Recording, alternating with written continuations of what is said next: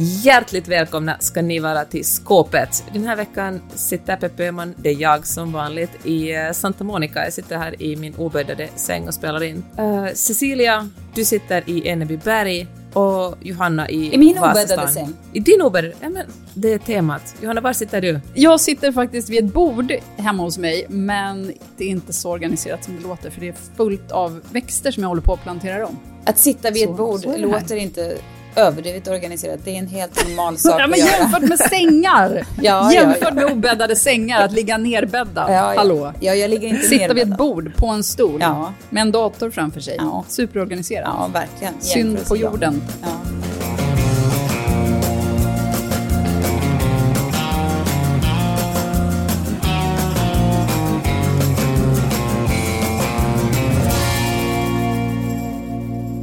Vi är ju i alla fall skåpet, det har vi sagt, och vi är ju ett gäng kvinnor i våra bästa år som eh, gillar att eh, prata högt och lågt och hänga med er som lyssnar i den här podden. Vi är ju inte jättemåna om att eh, tycka lika eller nödvändigtvis tycka rätt, utan vi vill väl egentligen eh, bara få lufta våra tankar lite i den här podden, ofta.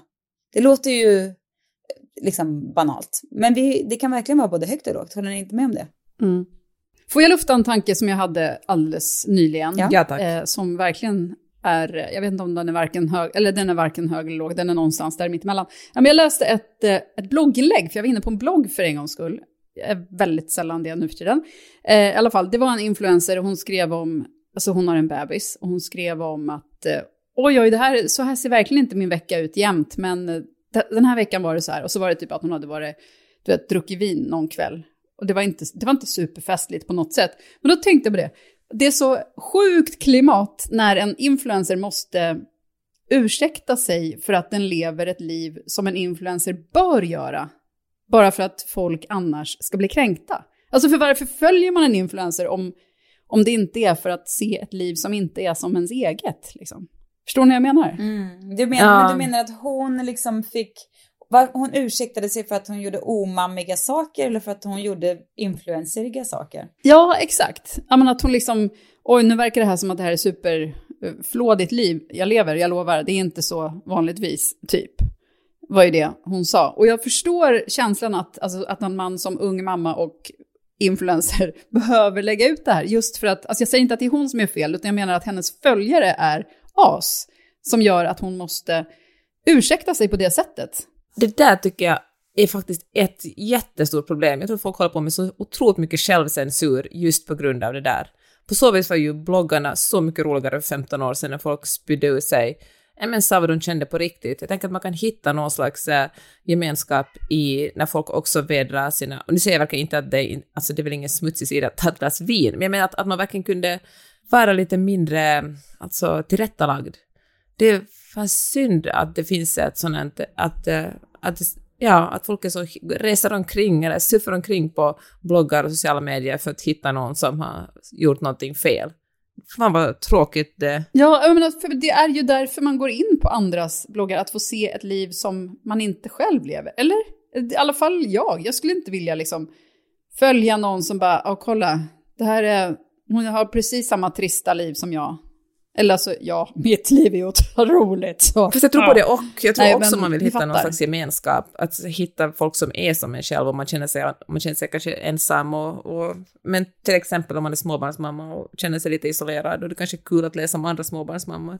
Men eh, så jag tror både och. Men eh, ja, jag tänker att folk borde kanske vara lite mer live and let live. Jag bloggade på Mama 2010 och det var väl ändå bloggens Nej, det kanske inte var Prime. Prime kanske var 2015, 2014, jag vet inte. Men det var i alla fall, eller jag vet inte när Prime var, jag har ingen aning. Men i alla fall, folk hade inte, definitivt inte lärt sig liksom, sociala medier-vett 2010 på mamma.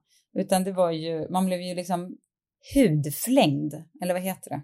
Om man, eh, jag vet att jag var, mina kompisar tog med mig ut på så här middag efter jag hade fått mitt andra barn. Hon kanske var sex veckor gammal eller något, jag vet inte. Jag var desperat efter att bara få känna mig som mig själv, så jag var så glad över att kunna göra det. det fick man, då fick man veta att man levde, när man råkade avslöja det. Mitt värsta bloggtrauma det var när jag hade varit i Dubai på semester och köpt en liten så här dräkt. Jag kan ha berättat det här innan. En liten dansdräkt. Det var liksom en liten magdansdräkt. Men det var till Bonnie som var kanske fyra år. Och det var inte, den var liksom inte en sexig dräkt utan det var så här det är mm. haremsbyxor. Det är säkert inte PK att säga haremsbyxor, men ni vet vad jag menar. Såna här, med små bjällror på och så var det liksom en liten linne till som såg ut, och man knöt i ryggen så här. Uh, och det var, ja, det var väl någon sån här magdansar-inspirerad grej. Då var det, jag tror, vill minnas att det var 157 kommentarer från ursinniga människor. Du har köpt en sexdräkt! Du har klätt ditt barn i en sexdräkt!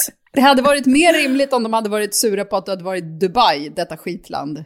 Ja, nej, det var inte det de var upp, upprörda över. Det var att jag hade köpt en sexdräkt! Mm. Ja, det var faktiskt helt sjukt. Men äh, ja, vad ska man säga om det? Jag har alltid på något sätt tänkt att det är så här, det är, jag, jag hatar när man råkar hamna i såna här sociala medier, liksom drev av större eller mindre skala. Men fördelen med att man blir ganska, man får ganska bra träning på sin självkänsla. Mm. Man blir ganska bra på att träna sig på att säga okej, okay, så tycker du, men det tycker inte jag. Hej då. Men brukar mm. du gå in och svara folk som eh, kommer med sådana kommentarer? Eller brukar du bara låta dem själv det? Uh, då gjorde jag nog. Jag trodde jag kunde, jag var liksom för känslig och i, mitt i småbarnsmammarollen för att bara skita Alltså nu är man ju mycket mer fuck offig ja. än man var då. Så att eh, nej, jag tror att jag absolut korkat nog diskuterade, för det vet man ju att det är det sista. Vill man att diskussionen ska dö ut så ska man ju inte diskutera, för då, då det finns inget som suger fram nättroll som när man börjar lägga sig i en sån här diskussion. Då bara folk blir tokiga och ska, ja ah, men du har ju sagt, ja jag vet inte, åh oh, gud alltså. Ah, ja. jag, eh, jag hade ett jättebråk om, eh, om arvoden för ungefär ett och ett halvt år sedan på Hufvudstadsbladet som jag skrev för då, för att det visade sig att jag fick mindre betalt än de manliga krönikörerna där. Och eh, då var det några manliga journalister på Hufvudstadsbladet som verkligen tog sig Ja, men det, de kände att det var deras sak att mejla mig och skriva om mig på Facebook om varför jag verkligen inte var värd lika mycket som män. Och speciellt en, han skrev så långa kommentarer på min blogg och långa mejl. Och, eh, och det gav mig en viss tillfredsställelse. Jag liksom ögnade igenom det första, jag bara, men det här är bara shit. Och sen, men han gav liksom inte upp. Och sen kände jag, och sen bara, det litade jag dem. Alltså både mejlen och kommentarerna. Och det var så otroligt tillfredsställande att bara föreställa mig hur han hade suttit och funderat utformuleringar där han verkligen skulle lära mig en läxa om hur journalistik fungerar och varför jag inte är så bra. Och så läser inte ens en själ dem. De bara försvann ut intet. Det kan fortfarande mm. göra mig på gott humör. Ja. Bra hämnd. Män med obskyra namn som vill att vi skickar meddelande till mig på Instagram. Jag, jag bara klickar bort dem direkt. Är du man och försöker ta kontakt med mig på Instagram, med 99% sannolikhet så har du inte ens, det spelar ingen roll om du är jättetrevlig och vill. Mig däremot, skicka till mig, jag svarar direkt. hejsan, hejsan. Och sen släpper ni mig aldrig. Ja. Tjena, vad gör du? Vaken? Frågetecken. du skickar tillbaka Har du någon en, riktigt snyggt? En världspick av dem. Hörni, idag har vi, ett, idag har vi en jättehärlig podd framför oss. Vi har ju pratat någon gång om, eh, frågat oss om vi är bad enough. Alltså man är, man, vi, man pratar ju generellt om att eh, det, det gäller, alltså good enough eh, räcker. Men vi har också pratat om bad enough. Är man bad enough? Är vi liksom, liksom låter vi oss vara tillräckligt så bad? Eller är vi mer så himla fokade på att duktigt och bra vi ska göra och liksom, eller om vi gör det duktiga och bra lite halvbra. Men det finns ju så mycket så här usla, ogina, inte så mysiga tankar vi har inom oss. Och det är verkligen inget att skämmas för. Nu har vi bett er som lyssnar dela med er av era minst mysiga eller sympatiska tankar. Kanske, ni, kanske, ni har säkert ännu värre, men här, det som i alla fall som är publicerbart. Eh, och vi har fått så många relaterbara, härliga ja, åsikter, tankar och sådär. Så vi tänkte ta dem nu och sen så får ni lyssna och eh, känna igen er och var, tänka vad mysigt att det inte bara är jag som är ett litet fittigt as inombords. Utan att vi alla har de sidorna. Ja, är ni redo? Japp. Ja, kör. Ja, allt det här är anonymt förstås, men här kommer den första. Jag är så heligt trött på min mans utmattning och att alltid behöva förhålla mig till den. Alltså, jag säger bara, gud vad jag förstår dig. Vad säger ni? Ja. Ja. Problemet med utmattning är väl, alltså nu, det här låter, det här låter visst vi ska inte brasklappar oss, men problemet med utmattning är ju att det smittar över till så många omkring den utmattade. Den som det egentligen är synd om och så blir det synd om, kan bli ett stort gäng utanför. Ja. Men jag känner lite så här, ska, kan man inte, kan man säga det då kanske? Du, kan du bara ta och försöka skärpa upp dig för en dags skull? Jag behöver fan en fucking break. Hur, hur utmattad kan man vara?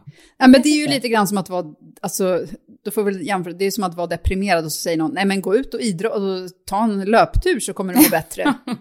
liksom, det, så det går ju inte. Det är, det är ju ett, ett riktigt problem. Att, men däremot ja. förstår jag lidandet för den som lever med utmattningen.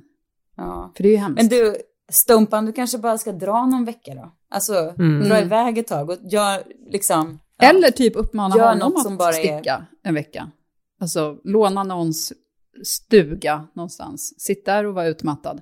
Kanske mår man bättre. You need a break, det fattar alla. Du behöver inte vara mm. stark och vara... Du måste också få pausa. Det är inget konstigt med det. Inte för att du bad om några råd, men... Mm. Det är så det funkar med skåpet. Ja då. Här skriver en person. Jag skulle vilja ligga med en kollega. Både han och jag är gifta. Ja, Peppe, du har precis skrivit en bok om det här kan man säga. Ja, jag har skrivit en bok. Do it. Uh, nej, alltså, inga, inga råd var bara tankar. Men jag tycker det är väl helt normalt att känna så ibland, att man vill ligga med en kollega. Sen uh, kan det ju vara så att den där själva tanken är härligare än, än själva ligget. Så jag tänker att uh, det kan ofta löna sig att stanna i den vid flörten och inte ta det så långt. Men ja, Eller inte. Jag. Eller så gör du det. Fan, man lever bara en gång.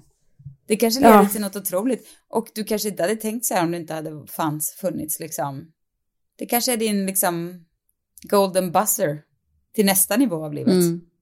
Ja men så här, vänta tills du inte längre har ägglossning och se om du fortfarande vill ligga då. Kolla med när PMSen kommer, vill du fortfarande ligga då?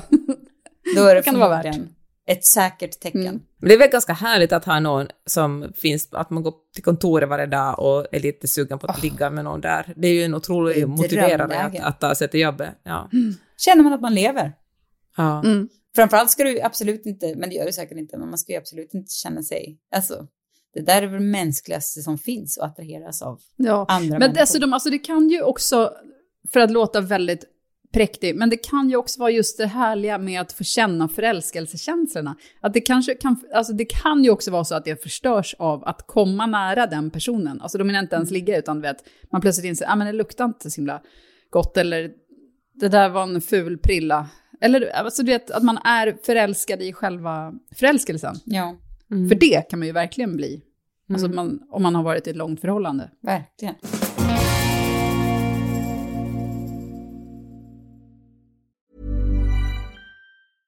Hiring for your small business? If you're not looking for professionals on LinkedIn, you're looking in the wrong place. That's like looking for your car keys in a fish tank. LinkedIn helps you hire professionals you can't find anywhere else, even those who aren't actively searching for a new job but might be open to the perfect role. In a given month, over 70% of LinkedIn users don't even visit other leading job sites. So start looking in the right place. With LinkedIn, you can hire professionals like a professional. Post your free job on linkedin.com slash people today. Jag är sur och avundsjuk på alla som fått försprång i livet i form av kapital och så vidare av sina föräldrar. Ja, jag tycker inte ens att det där är en förbjuden tanke. Jag tycker att det är en rimlig, ja, en grundinställning för de flesta. Eller? Nej, alltså, jag, nej, det tycker inte jag. För jag har aldrig känt så. Alltså verkligen aldrig Du menar att så. du hellre in, alltså att du skulle föredra att inte ha en stor summa pengar till exempel när du flyttar hemifrån så att du kan köpa en lägenhet och slipper oroa dig för eh, att bli hemlös? Nej, men det har liksom aldrig ens varit, alltså det har, det var ju verkligen inte ett option. Alltså jag tror att det har varit så långt ifrån liksom min uppväxt att det fanns inte med som ens i tankevärlden liksom att det skulle kunna varit det. Men jag har liksom aldrig, jag har snarare alltid känt mig så här att ja men det där kan jag ju också fixa, jag får bara jobba lite hårdare. Jag, tänk, jag är mest störd på folk som, eh, om man tar det här ett steg längre, som kommer från ganska bra förhållanden och som har fått jättemycket hjälp hemifrån och som tror att de är self-made på något sätt. Mm. Som liksom börjar långt och sen är de, så berättar de om sin framgångssaga. Och man bara, men nu glömde du bort den lilla detaljen att uh, dina föräldrar gav dig enormt mycket skjuts. Jag tänker att det kanske är ännu tydligare i USA där universiteten lätt kostar liksom flera hundratusentals uh, dollar. Ja. Ja, inte om året kanske, men jag menar, alltså USC kan kosta liksom 60, 70, 80 tusen om året att gå och uh, ska man gå där i fyra, fem år blir det ju jättemycket pengar. Och sen är de superstolta över vad de har åstadkommit för de har knutit en massa kontakter. För det handlar ju inte bara om pengar utan det handlar ju också om vem man känner och vem som kan ge en först liksom öppna en dörr här och en dörr där. Jo. Det är, för de människorna måste granska sig själva lite och förstå att uh, det är inte bara de utan det är också varifrån de kommer. Den här är kul. En av mina bästa kompisars barn är så fula. Snälla men inte gulliga. De är mycket energi, storlek och så vidare. Alltså, det är otroligt kul. Så jävla förbjudet att yttra den känslan. Ja men så är det ju. Det finns ju, det finns ju absolut barn man inte tycker om. Jag, det värsta Ja. med mig är att jag har så fruktansvärt svårt att vara trevlig mot barn jag inte gillar också. Jag kan liksom inte ens, det, jag kan vara så här, vissa barn, små, eller barns kompisar är så här, Fast det är väl mest personlighetsmässigt. Alltså det här låter ju som att det är fula barn. Och att, Ja, men det de därför inte gillar. Estetiskt störande. Mm, exakt, estetiskt icke tilltalande. ja. Ja, sånt struntar jag kanske lite mera i, men det har ju hänt att eh, man har åkt hem från en tillställning och pratat med sin man i bilen och så bara sagt det här är inget, det här är inget, ingen bra personlighet på ett barn. Ja men absolut, ja, men, alltså, det finns ju så mycket barnas, usch. Det, men, men det är ju en mindre förbjuden känsla tycker jag än att, än att tycka att de är fula. För att, men den det kan jag också hålla med om, det finns absolut fula barn. Men kan ni vara så stränga mot komp- eller barns kompisar som ni inte gillar? Alltså kan ni... Ja, det här har vi diskuterat va? Oh ja! Ja, jag säger verkligen, alltså Viddes, eh, Viddes kompisar kan jag vara ganska sträng Är du mot. extra Alltså, sträng då mot dem du inte gillar? Ja, Ja. det är så hemskt, men det är jag jag faktiskt. med. När de håller på och skriker och har sig eller inte säger tack eller Ja. något sånt blir jag otroligt irriterad. Ja, ja det ska de ha. Okej, här kommer nästa.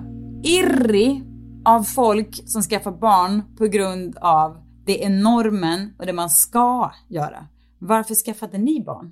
Det var en bra fråga. Varför skaffade ni barn? Magnus tjatar så otroligt mycket på att vi ska få barn. Jag tror att han, Magnus var livrädd för att inte få barn. Och eh, så han, eh, jag, jag blev ju gravid alldeles för tidigt i vår relation. Jag, har ju- jag har ju knappt lärt känna Magnus utan barn. Ja, Mm. och här sitter du. Sitter jag med två stycken. Ja. Knuten för livet. ja. Verkligen. Ja, men jag minns inte, jag kan inte säga att jag hade någon plan.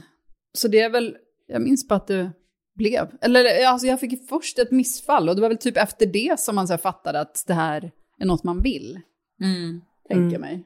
Men det är väl också någon sorts, alltså på det sättet så är det väl någon sorts normgrej att, att plötsligt så känns det som något som man ska göra. Men jag kan inte, jag har aldrig varit en sån som har olika planer för saker, eller vet att när jag, jag är över 30 då ska jag skaffa barn, eller något sånt, utan det har ju bara hänt. Jag tror faktiskt att, eh, att många, det är ju normen, det är alltid lättare att följa normen för att om alla gör på ett sätt eller liksom en majoritet av folk gör på ett sätt, hur fel kan det vara då?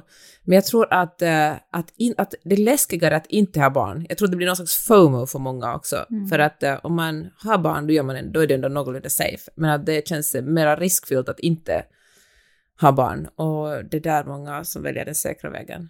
Ja men alltså efter en av mina resor, nej men efter den här Kenya-resan eh, jag var på och vi såg alla vilda djuren i, eh, på, ja, lejon och hyenor och allt det där. Och alla de här olika djurraserna har liksom sina system med hierarkier där det är liksom honor och hanar och ungar. Allt går ut på mat, barn. Mat, skaffa barn, mat, skaffa barn, skaffa barn, föröka sig och skaffa mat. Skaffa, liksom, det är allt vad det går ut på. Och det är ju fånigt att tro att människan skulle vara konstruerad på något annat sätt. Så jag tror att det är fan en stark jävla kraft som ska till för att man ska liksom stå emot det här programmerade, liksom, beteendet att fortplanta sig på något sätt. Då ska det verkligen tänkas på. Fast vet du vad, jag är osäker på det där. Jag tänker, tänk på liksom länder som, eh, som Japan eller Korea där kvinnorna verkligen tackar nej till att eh, att... få barn eftersom det är så otroligt ojämställt. Ja, och i, men det är väl en liksom, stark Korea blir det bara värre. Ja. Ja, och de var bara nej, jag kan inte, liksom, det funkar inte. Jag menar, överallt i västvärlden så sjunker ju, alltså, man får, vi får allt färre barn. Och jag tänker att det finns, alltså, det finns nog också en väldigt stark intellektuell kraft där, där man säger, eh, ja men tack men nej tack. Ja. Det här är inte för mig. Ja, jo men okej, det är väl en sak att göra rent liksom intellektuellt. Men om man är i en relation med en partner som får en, man vet att födan kommer hem liksom på bordet och alltså det finns någon slags trygghet och så. om vi nu gör djurliknelsen. Då, då, då, om man liksom, den här personen tycker jag om, vi är liksom ett svanpar som ska hålla ihop, eller elefantpar eller vilka det nu är som håller ihop så här länge. Då, alltså, och vara i det och bara, mm, nej tack. Är det nu du snart börjar säga att det är kvinnan och mannen som hör ihop? Och att eh, samkönade förhållanden är inte något som är meningen i livet? Nej, ja, ja, Det, nej, ja, det, kanske kommer snart komma. Nej, Mm. det, så är det såklart inte. Jag menar bara att eh, det- jag menar bara att det är inte jättekonstig känsla att vilja fortplanta sig. Jag tror att den är, finns ganska, alltså oavsett vem det nu är man vill, fort, jag tror att det är en, det är en kraft liksom. Men ja, jag blev liksom, råkade bli gravid med mitt första barn. Det var extremt ogenomtänkt, alldeles för snabbt. Men sen var liksom den bollen i rullning. Kan man verkligen säga. råka om man, är, alltså om man är en vuxen person? Alltså då vet man ju att spermier och ägg, det kan leda till... Jo, jo, men Alltså- det var inte ett, ett vad ska Det var inte så att säga? ni knullade för att bli med barn? Nej, och det var inte ens vårdslöst liggande, utan det var liksom med? Mm. liksom, åtgärder hade vidtagits, så att säga. Här kommer nästa. Fantiserar om hur vi skulle dela upp möblerna inför en skilsmässa. Det där är en kul tanke. Jag undrar så om hon även fantiserar om skilsmässan eller om det just bara är liksom det materiella. För att, eh, Det är kanske avgörande. för att det ena en är så mörkt, det andra är liksom bara så mänskligt. Att man säger, ja, vem skulle kämpa för tvn? Liksom. Eh, jag har faktiskt aldrig tänkt på det. Men jag tror att det skulle vara ganska lätt att dela upp våra grejer. Ett, eller jag skulle bara säkert få ta allt. Och så skulle han glatt köpa nytt. Med sin nya tjej. Vi Mm. talar ofta om vad som skulle hända om den ena skulle dö. Jag vet, det låter ganska så här morbid, men, men vad som, alltså skulle man bli ihop med någon, leva som singel, hur är, man ska få det hela att gå ihop, flytta hem, stanna i LA. Det är ju, ja, men jag är faktiskt heller, men jag är kanske inte så förtjust i våra möbler, så att jag, det är kanske därför jag aldrig kom på tanken att vem som skulle få vara vid en skilsmässa. tycker det är faktiskt en ganska Mm. härlig dagdrömmeri. Alltså, om inte annat för att liksom bestämma för sig själv vad i sitt hem man verkligen, verkligen gillar. Det kan ju vara härligt att bara komma underfund med. Okej, sängen, sängen gillar jag verkligen. Ja. Äh, Den här kan jag tänka mig att sno faktiskt. Sitta och fundera på. Ja. Okej, här kommer en till. Den här piggar upp mig. Mm. 50-talister. Fick det bästa av välfärdsstaten och monterade ner. Reser som as. Skiter i barnbarn. Köpte hus billigt, inte renoverat sedan 70-talet. Säljer dyrt. Usch! Jävla flaxgeneration. Skiter i barnbarnen. Mm. Ja. Ja, verkligen. De har ju bara stigit in i en buffé av välfärd och eh, ekonomisk tillväxt. Inte bara jättetacksamma. Det är också de som röstar på SD känner man. Så de är också Ja. otacksamma. Oh. Alltså, inte riktigt tror på, på att det händer någonting med klimatet. Nej. Alltså, Mm. ibland Nej, men det är ju för att det är så bekvämt att det inte skulle Ja. göra det. Ja.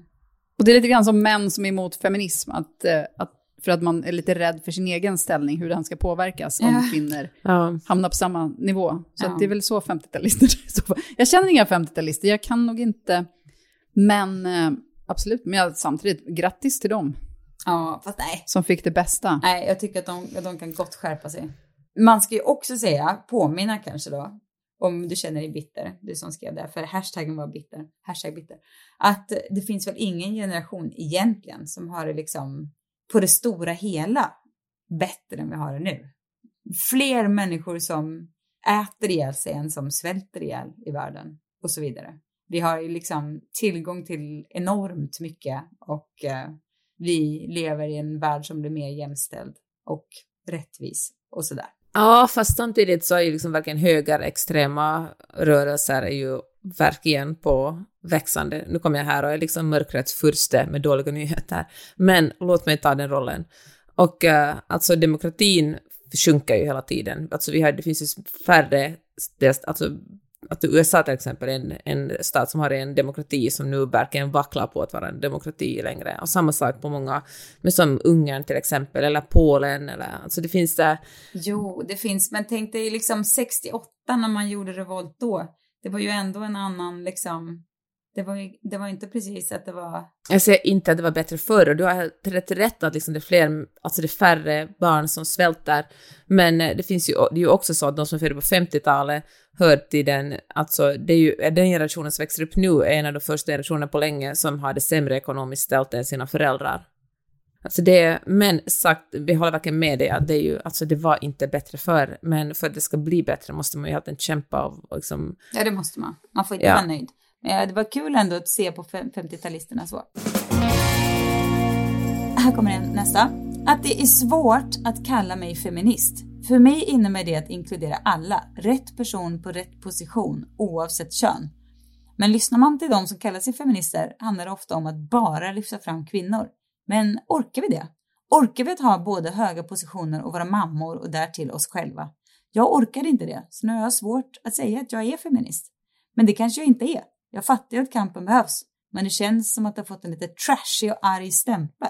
Men jag tänker så här att om man är feminist då vill man ju inte att det är bara kvinnor som ska ta hand om barn och hushåll, utan om man, det, om man nu lever i ett heterosexuellt förhållande, då vill man ju att dela på allt sånt och då finns det ju mer energi att ta högre chefsposter och satsa på karriären. Mm. Ja, det ska ju inte vara, alltså, för män har ju kunnat vara papper och chefer under oerhört lång tid. Så det borde ju även kvinnor kunna vara. Alltså utan att det är några konstigheter med det. Och sen känner jag lite så här, vi har liksom olika myndigheter i Sverige som nischar sig mot olika frågor. Skolan, mm. pensioner och vad det nu kan vara. Det är väl klart att feminister måste nischa sig mot kvinnor. Vi kan inte vara feminister och bara, och så ska vi se till att männen har det bra och barnen, utan det, vi kör vår mm. sort. Mm. Och det är inget konstigt med det. Ja, men det är väl det att i grunden så har hon ju rätt, för att det är ju en jämlikhet som man är ute efter. Men det är ju det att för att nå jämlikheten så måste man lyfta kvinnorna. Det är ju det som, mm. för att det är ju inte så att, alltså, eller sänka männen. Ska vi starta en sänka männen-rörelse vore ju samma sak. Så att alla, men huvudsaken är ju att alla är lika värderade liksom. Ja. Det är det som man är ute efter. Jag tänker precis det där som Alltså, jag vet, tror jag sa det här förra avsnittet, men nu säger jag det igen, men så som Ruth Bader Ginsburg, den här högsta domstolen domaren. Ja, nej men tar du det för jag tog det senast, kan inte du ta nej, det då? Nej, du får ta det. Du, ska... du tar det. ja, men så här, hon var en, inte den första, men en av de allra första kvinnliga domarna i högsta domstolen i USA och fick verkligen kämpa så sinnessjukt hårt för att överhuvudtaget ens få plugga juridik. Och, eh, och när hon fick frågan när högsta domstolen är, när det är rättvist, när det är jämställt, då sa hon så här, när det finns nio kvinnor, när nio kvinnor sitter som domare i högsta domstolen, alltså finns bara plats för nio kvinnor där i USA. Och eh, då är ju ens första reaktion så här, men vadå nio? Det skulle ju vara jämnt, det borde ju vara alltså fyra och en halv.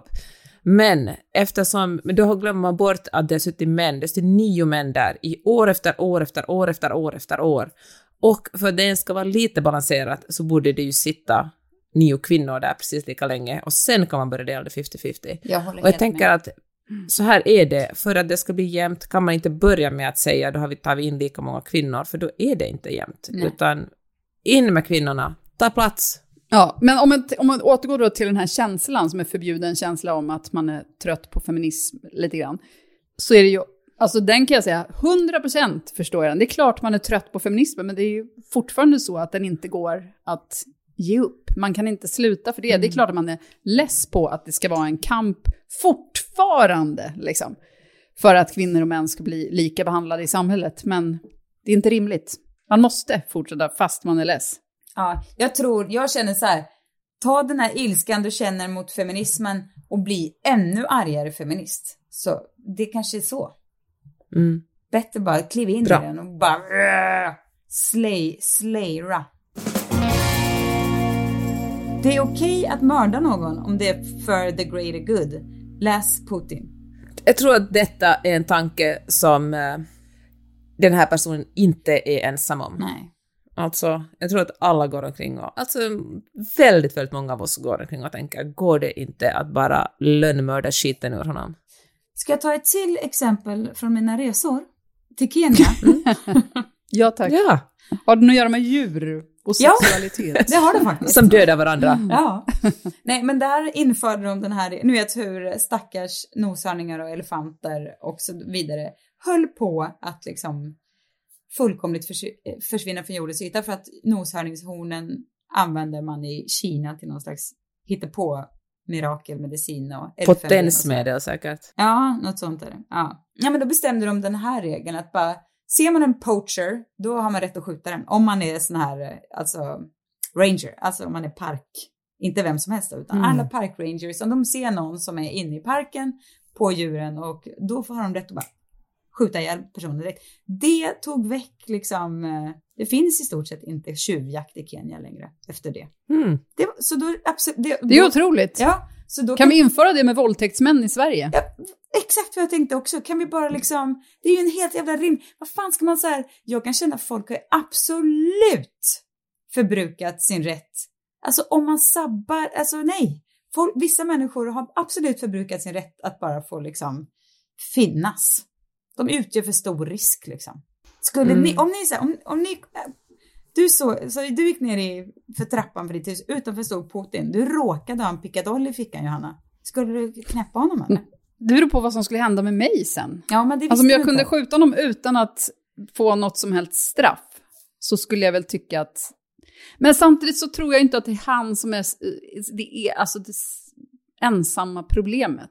Nej, nej, men finns om väl det ett- var det det som var exemplet ändå. Det ensamma, tror du att han är ensam bakom allt det här? Alltså det måste ju finnas så många gubbar som sitter där bara ja det här blir bra. Och de Alltså jag tror att han har ångra sig. enablers omkring sig, men jag tror att om Putin försvinner så då blir alla lite vilsna. Jag tror verkligen att det är liksom en, att det är så otroligt toppstyrt. Ja. Peppe, skulle du skjuta honom då om han kom gåendes på gatan?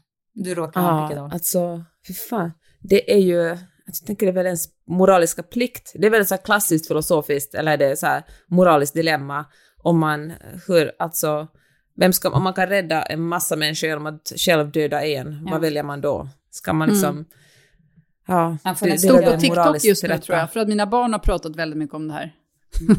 Jaha, ja.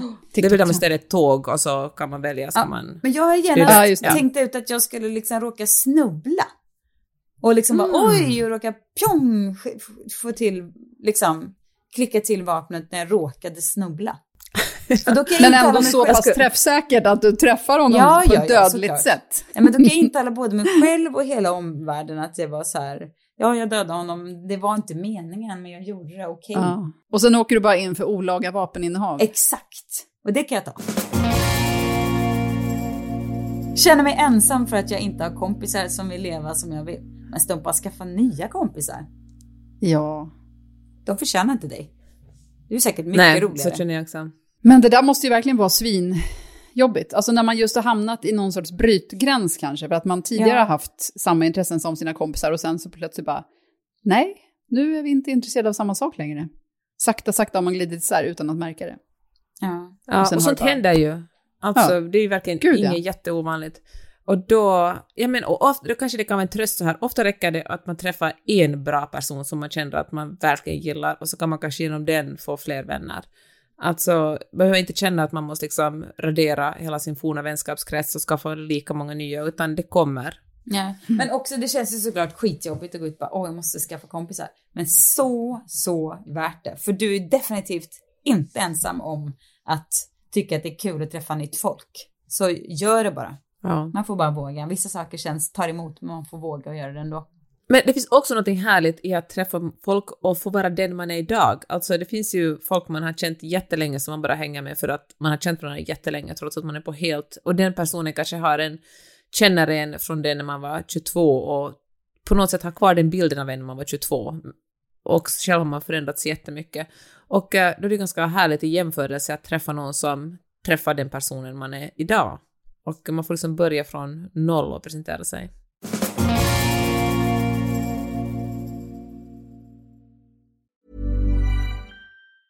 There's never been a faster or easier way to start your weight loss journey than with PlushCare. PlushCare accepts most insurance plans and gives you online access to board-certified physicians who can prescribe FDA-approved weight loss medications like Wigovi and Zepbound for those who qualify. Take charge of your health and speak with a board-certified physician about a weight loss plan that's right for you. Get started today at plushcare.com slash weight loss. That's plushcare.com slash weight loss. plushcare.com slash weight loss. Since 2013, Bombas has donated over 100 million socks, underwear, and t-shirts to those facing homelessness. If we counted those on air, this ad would last over 1,157 days. But if we counted the time it takes to make a donation possible, it would take just a few clicks. Because every time you make a purchase, Bombas donates an item to someone who needs it. Go to bombas.com slash ACAST and use code ACAST for 20% off your first purchase. That's bombas.com slash ACAST, code ACAST. Vad tycker folk om oss med ett barn? Och släpper någonsin borde jag skaffa fler ångesten? Peppe, du hade ju ett barn, bara ett barn ganska länge ändå. Ja, det hade jag ända tills Miley's kom. Um, ja men så här, alltså min är det, man Är det åtta Magnus, år mellan dem? Nej, sex, sju? Eh, sex och ett halvt. Sex och ett Sex och ett halvt. Ja. Ganska exakt. Jättebra åldersskillnad kan jag också säga. Um, fast det säger kanske alla med barn. Alla, ja. Eh, Så här, jag hade verkligen landat i tanken på ett barn. Och måste erkänna, visst fanns det där och liksom var jag lite, alltså jag, jag kan känna igen den tanken, det måste jag skaffa till som underhållning för mitt första barn. Men min man som är enda barn, han är så otroligt lycklig och nöjd i sitt enda barnskap. Alltså han har aldrig tvivlat en sekund på att det skulle vara bättre med syskon. Så att äh, jag tycker verkligen att om du som skrev in den här frågan eller kommentaren, om du, äh, om du inte vill ha fler barn så kommer ditt barn 100% att vara, alltså det kommer inte att bli bättre eller sämre av att du skaffar ett barn till. Det kommer alltså, nöjd, var lycklig. Magnus är superlyckligt enda barn. Det går att eh, leva ett jättebra liv utan syskon. Verkligen. Jag har ju hört mig själv säga så här, sucka över så här ensam barn och sen så kom jag på att min man är ensam barn.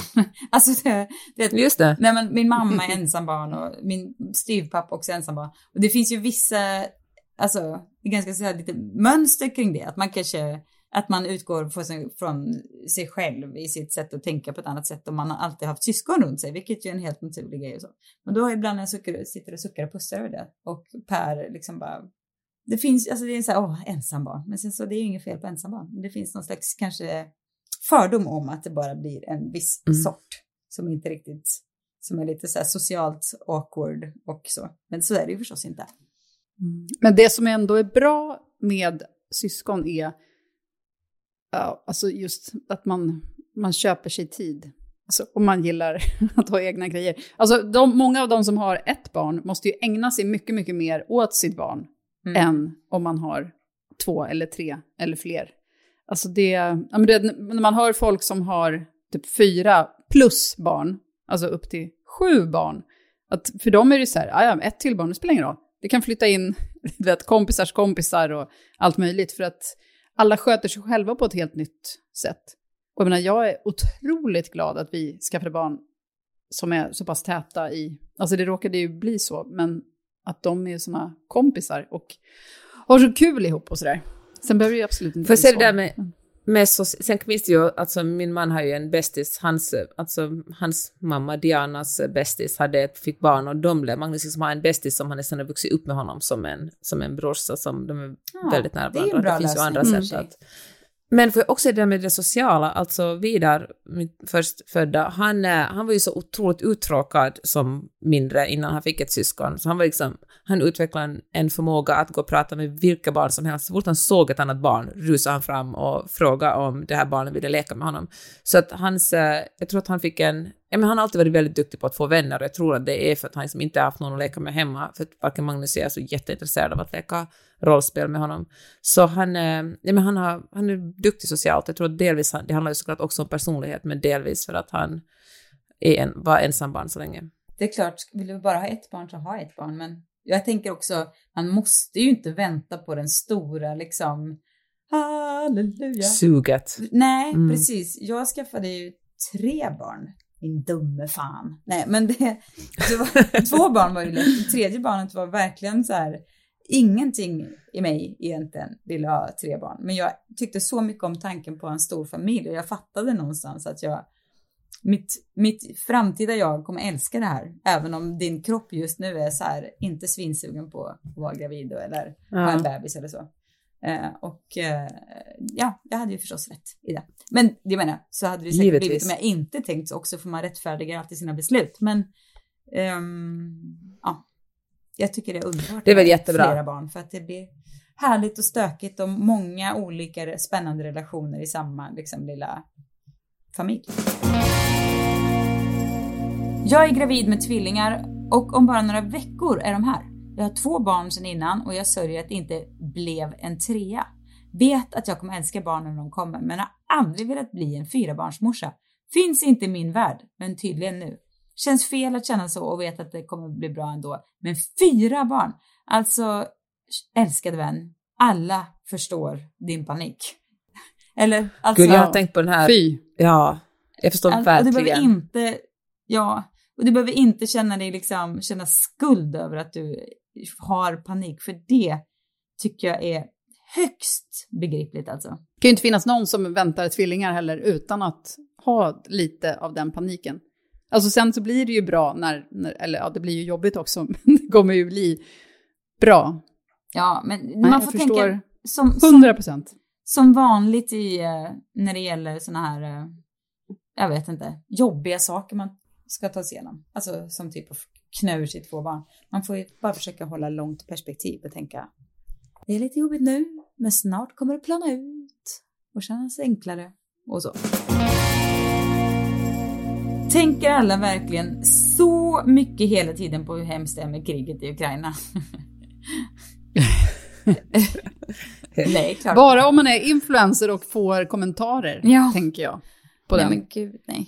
Att kommentarstrollen tänker på Ja. kriget 100 procent av tiden. Kan man fortsätta leva på sitt liv som vanligt så fan njut av det. Liksom. Ska vi väl göra. Men det, Ja, men det ju inte måste att man, man är ju. Det- nonchalant och dum i huvudet och inte kan ha Nej. medkänsla. Förstås. Alltså det skulle, ingen blir hjälpt av att alla liksom går omkring och tänker på det konstant. Det hjälper liksom inte. Man får väl göra, man får ge sina pengar, man kan hjälpa folk som har kommit hit, man kan liksom göra det man kan, men sen kan man ju inte begränsa hela sitt liv på grund av skit som sker någon annanstans. Nej. Jag tror generellt att folk är väldigt mycket mindre liksom, goda än de gör sken av. De flesta är liksom jättebra i vissa stunder och små as andra stunder och oftast är man ganska så här lat och bekväm bara mest. Ja, men det är väl inte ens godhet om man ska gå runt och vara deprimerad för kriget hela tiden. Nej, men Det är väl bara man säga? dumhet, Empati skulle jag säga. Jo, men då är det någon annan sorts störning om man ska älta. Så det finns ju hela tiden i världen enormt mycket sorg och bedrövelse och misär. Mm. Men eh, Men det finns, finns det, om man skulle lägga allt så här, sorg, bedrövelse, misär i en hög och sen så här lycka, glädje, harmoni och någon form av så här content, känsla av så här, det här var trevligt i andra högen, då skulle väl ändå bra-högen väga mer? Eller? Mm. nej, det vet jag inte. jag tror att det skulle vara precis samma. Aha. Jag tror, eller liksom konstant i alla fall, konstant mängd av allting. Jag tror inte att det finns gladare perioder alltså i, i världens historia. Nej, Tror det tror det? inte jag heller. Möjlig, jo, möjligtvis om man liksom skötte sig själv och eh, inte hör, alltså när man inte hör talas om misär som pågår ehm, någon annanstans så blir man ju inte berörd av det. Då har man ju bara sin egen misär. Och bor man ute i skogen, alltså om vi tänker du vet, 1500-tal i södra Frankrike, då hade man säkert misär, men det var inte, man kände bara av sin egen misär. Ja. Det var bara stenen som låg på ens åker som Man var... gick inte precis och övertänkte saker. Ja, fast nej, men jag Nej, tänker väl precis. allt, jag är ju, jag kan ju själv känna att jag är en, oftast en väldigt glad skit. Alltså jag verkligen tycker varje dag att mitt liv är så fruktansvärt bra. Men jag känner mig också otroligt påverkad av det här kriget och jag vet inte om det handlar om någon slags, eh, alltså generationstrauma för att mina mor och farföräldrar stred mot ryssen när alltså under fortsättningskriget, vinterkriget. Men äh, mig påverkar det jättemycket också. Men jag Jo, tänker att men- alla, Mm. man kan ju vara både, man kan ju känna, man kan vara, man, liksom påverkas Jo, men jag menar, det är klart att man... glad. Eller så här, det, jag tycker att verkligen att det är klart att man blir påverkad. Det är klart att det hänger över en som en, som en filt om ens liv. Och, och jag menar, även, även vi icke-ukrainares liv skulle vara bättre om kriget inte fanns. Men jag menar bara att man hjälper ju inte heller till av att gå runt och vara djupt deprimerad av det hela tiden. Nej. Förstår du vad jag menar? Men det kanske är inte är liksom- ett val heller. Alltså jag tror Mm. verkligen, men jag tänker att, jag tänker att om man är så, för jag tänker det kan, alltså blir man, nu säger jag talar inte om mig själv, men så att om man, om man är den, och det har verkligen inte frågan heller, men då kanske det kan hjälpa att ju försöka göra någonting. Alltså, det menar jag inte att man ska packa en massa gamla kläder och åka ner till polska gränsen, men eh, försök, se vad man kan göra för att hjälpa till, för jag tänker att handling ofta är ett bra sätt att ta sig ur ett illamående. Och eh, Verkligen. sen om, om man går tillbaka till den frågan så tror jag också tyvärr att det finns en massa poserande, alltså där folk eh, kanske tror att man ska tycka någonting som man inte känner och så blir det liksom lite poserande på sociala medier och det var kanske det som den här frågan var ute efter, att är det verkligen så? Mm. Är folk så seriösa? Våren, hatar den. Blir deppig av att all skit syns. Jag ser skitig ut. Huset, allt man måste göra och planera inför vår och sommar känner mig grå, ful, fet och värdelös när vårsolen tittar fram. Ja, så Ja. är det ju. Jo men så är det ju. Man blir trött också. Ja, vår trötthet den ska inte underskattas. Nej, Men det är samtidigt underbart. Pirret Ja. som man får av de senaste veckorna här har varit otroligt. Det bruk, så här brukar min dramaturgiska vårkurva se ut.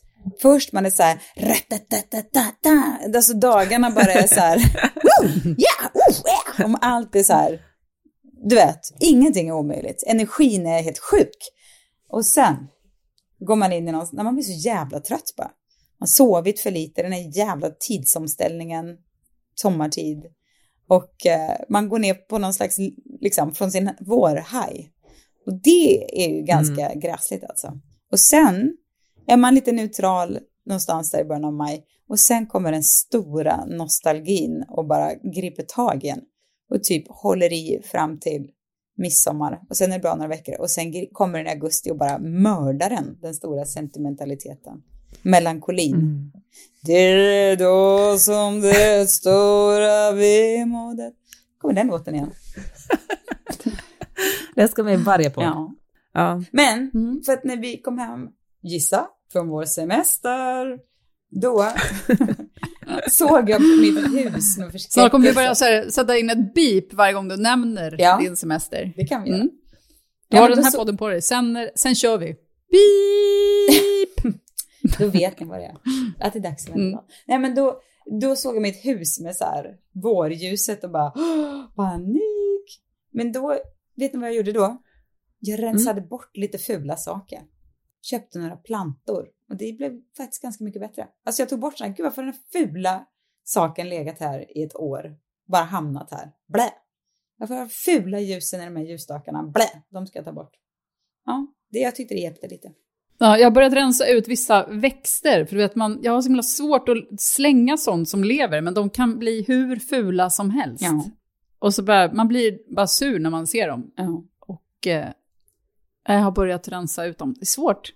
De lever, trots allt. Men jag vill också slå ett litet slag för brun utan sol.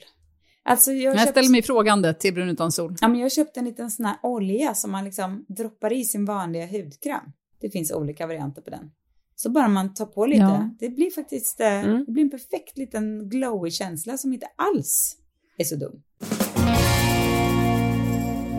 Irritation stundvis, trots att livet är och, fly- är bra, är och flyter på bra. Men snälla tid. Irritation Ja, stundvis. You lucky fuck, skulle jag säga. ja, det är fullständigt normalt. Herregud. Prova irritation Alltså. 80% av vaken tid. Verkligen. Vad är det som händer? Vad är det här för god person? Ja. Du har det för bra, den är därför irriterad. Nej, skojar bara. Nej, men irriterad, herregud. Men det känner jag också lite så här, it wasn't me. Alltså irritation, det typ tycker jag är en känsla som jag absolut inte kan han, liksom rå över. Nej. Den kommer och den går. Och det är liksom lite hormoner som styr och det är saker runt omkring som styr. Jag kan inte liksom riktigt bestämma Alltså jag känslan. inleder många dagar exakt den känslan. Som i morse, steg upp, märkte jag att Magnus inte hade satt på diskmaskinen. Fy fan vad jag var irriterad. Mm. Ah, Men alltså, men det går ju som en...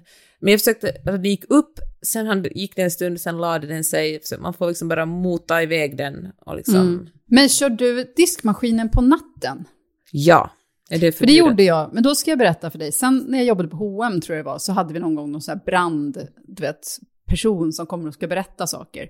Och då sa han någonting om diskmaskiner och tvättmaskiner och du vet, att det är så varma saker att det kan börja brinna där inne.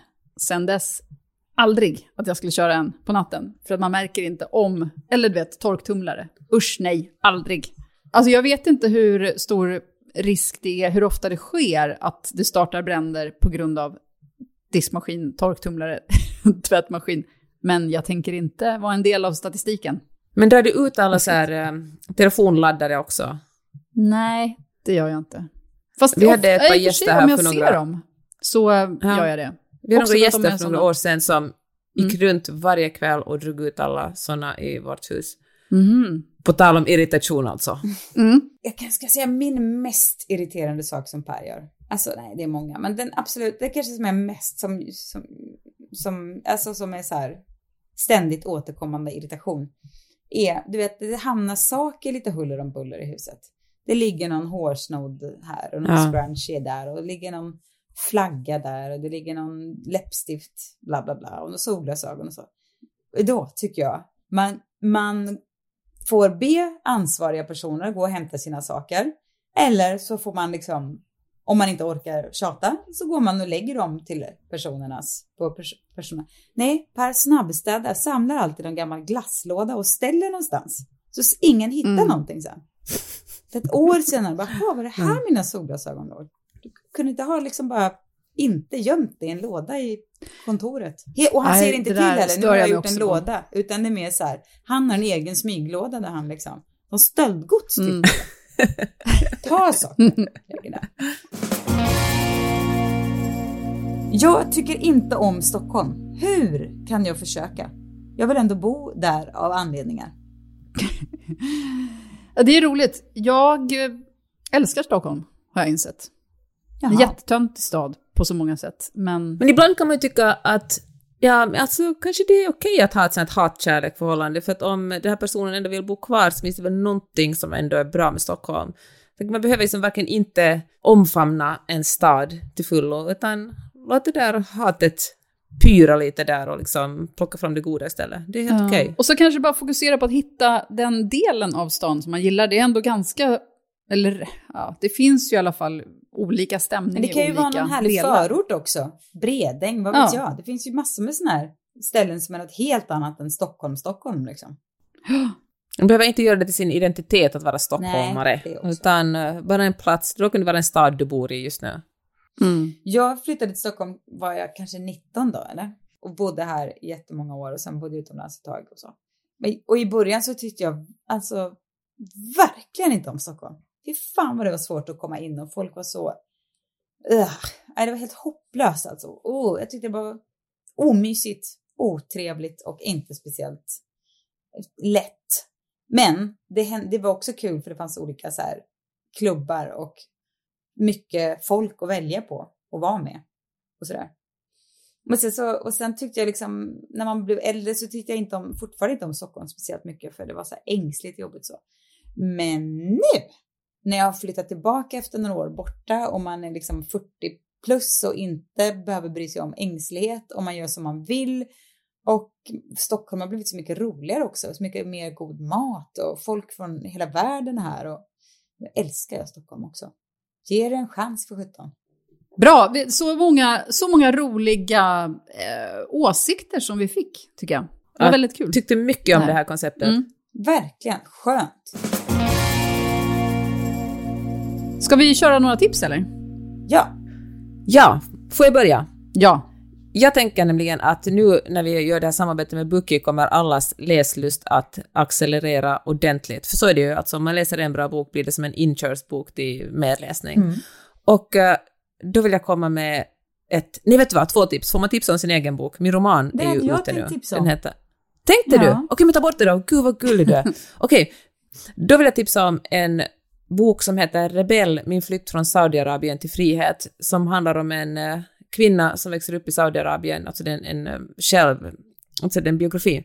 och eh, hur hon får kontakt, eller inser långsamt att alla, på alla ställen i världen lever man inte som i Saudiarabien. Det finns ställen där kvinnor kan gå ut och känna vinden mot kinden och nacken och där man får, eh, man behöver inte ha en man som bestämmer allt över en och slår en och, och, och så bestämmer hon sig för att rymma och, en, och så åker hon, när hennes familj åker till Kuwait så tar hon sitt pass och kommer på ett flyg till Bangkok. Men i Bangkok blir hon stoppad för att hennes pappa har, larmat saudiska ambassaden och de är där och möter henne och vill skicka tillbaka henne. Och då tillbringar hon två dygn på ett hotell på flygplatsen i panik för hon vet att skickas hon tillbaka till Saudiarabien kommer de att döda henne. Och eh, där hon bara tweetar, alltså hon sitter på Twitter och säger kan någon hjälpa mig, liksom Human Rights Watch, FN, kan någon hjälpa mig? Och när jag läste den här boken, eller faktiskt jag lyssnade på den på, på Storytel, så slog det mig att, eh, att jag följde ju henne, jag började följa henne medan hon satt på det här hotellrummet. Och, eh, vilket, och det var, hon kom, och det slutade, det slutade bra, men det, men, eh, men det är alltså jättebra. Rebell, min flykt från Saudiarabien, heter den här boken. Otroligt eh, ja, rörande och bra och, eh, och hemsk. Härligt. Bra. Tips. Sissan, har du, vad har du för tips? Jag skulle tipsa om en otrolig bok som jag inte har hunnit läsa än, men som har kommit i min brevlåda idag och som jag mycket peppad på att sätta tänderna i. Och på tal om peppad så är det ju Peppe som har skrivit boken. Och eh, den, ja egentligen är det väl du som ska berätta vad den handlar om eftersom jag inte har läst den. Men jag vet ju premisserna. Det är Mm. ett, eh, ett eh, par som lever i ett förhållande. Eh, kvinnan tar sig en älskare med jämna mellanrum och tycker att det är lösningen på hennes eh, eh, ja, liv. Hon får både spänning och trygghet på samma gång. Funkar det verkligen? Ja, det får man läsa boken för att ta reda på. Mm. Och vad heter den Peppe? Den heter En gång om året. Mm. Och den kan man köpa Mm. ute nu och det tycker jag verkligen. Dels för att det är en bra bok, vågar jag lova, utan att ha läst den. Men också för att eh, vi stöttar våra kompisar, eller hur? Så, alltså jag menar inte att ni ska stödköpa den, men jag menar om ni väljer mellan två böcker, ta Peppes bok. för Hon är ju, hon är ju en underbar person, det hör ni ju själva. Mycket bra. Tack, ser jag Sissan. också mycket fram emot att läsa. Mitt tips är Världens värsta människa. Har ni sett den filmen? Nej. En norsk Nej. film som är nominerad till två Oscars tror jag. Alltså dels bästa utländska Oj. film och dessutom bästa manus. Och jag såg den nu i helgen. Den, alltså det var jättelänge så gick den inte att se. Den gick upp på bio i Sverige, sen så gick den inte längre. Och nu ser jag att den, fort, att den återigen finns på vissa biografer. Jag såg den på iTunes tror jag. Tror jag. Ja. Eh, och den handlar alltså om en tjej som heter Julie som är typ 30 och har ett, eh, ett liv som är en röra. Och den är liksom, ja men du vet, väldigt bra. Det är ju som en, som en smart romcom på något sätt. Alltså det låter alltid så fel att säga romcom som att det skulle vara någon, för det låter så himla dåligt. Men den här är ju det. Och den är smart och den är kul och hon Renate Reinsve, eller hur man nu uttalar hennes jättesvåra namn, eh, blir ju dessutom stylad nu av Carla Welch, allas våran favoritstylist. Så då man förstår nästan att hon måste vinna en Oscar. För att har man Carla Welch då är det en satsning på henne. nästan värt att se filmen bara därför. Nej, det är det inte. Kul! Men den är sugen. väldigt bra. Se den. Superbra tips Johanna, tack för det. Då stänger vi skåpet för den här veckan. det gör vi. Kul att ni ville vara med och dela med er av era historier hörni och kul att ni ville vara med och lyssna. Vi hörs igen nästa vecka. Hej då! Hej då!